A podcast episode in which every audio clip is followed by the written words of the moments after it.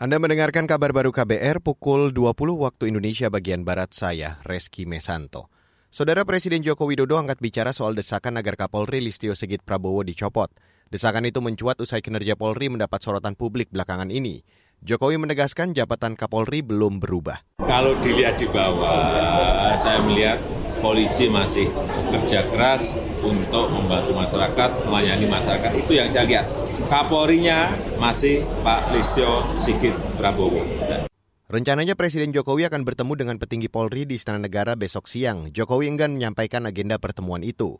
Saudara, kinerja Polri belakangan ini mendapat sorotan yang terbaru soal tragedi Kanjuruan yang menelan 132 orang. Dalam insiden di Malang itu, polisi melepaskan tembakan gais air mata ke arah lapangan dan tribun penonton. Kalangan masyarakat sipil dan pengamat menilai tindakan itu sebagai salah satu penyebab banyaknya korban jiwa. Sementara itu Komisi Nasional Hak Asasi Manusia atau Komnas HAM hari ini memeriksa petinggi PSSI. Dalam pemeriksaan itu pihak PSSI dihadiri Ketua Umum, Wakil Ketua, Sekjen hingga Komisi Disiplin.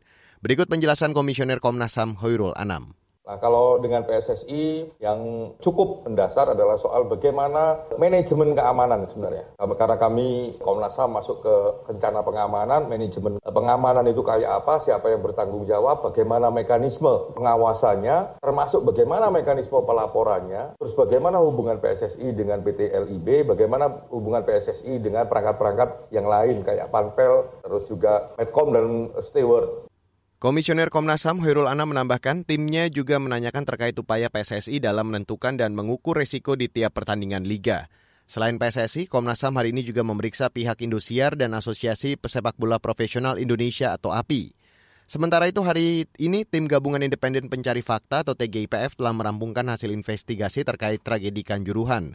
Ketua TGIPF Mahfud MD melalui akun Twitter mengatakan laporan itu akan disampaikan ke Presiden Jokowi besok siang.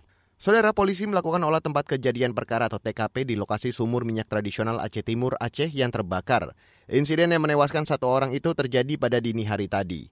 Kepala Satuan Reserse dan Kriminal Polres Aceh Timur, Miftahuda Diza Vezuno, mengatakan korban tewas beberapa saat usai sumur terbakar, sedangkan dua warga lainnya kritis.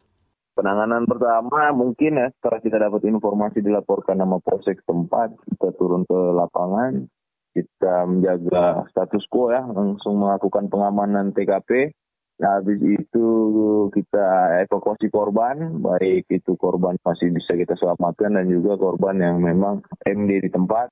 Kepala Satuan Reserse dan Kriminal Polres Aceh Timur, Miftahuda Diza Vezuno menambahkan, lokasi sumur yang terbakar sudah dipasangi garis pembatas polisi.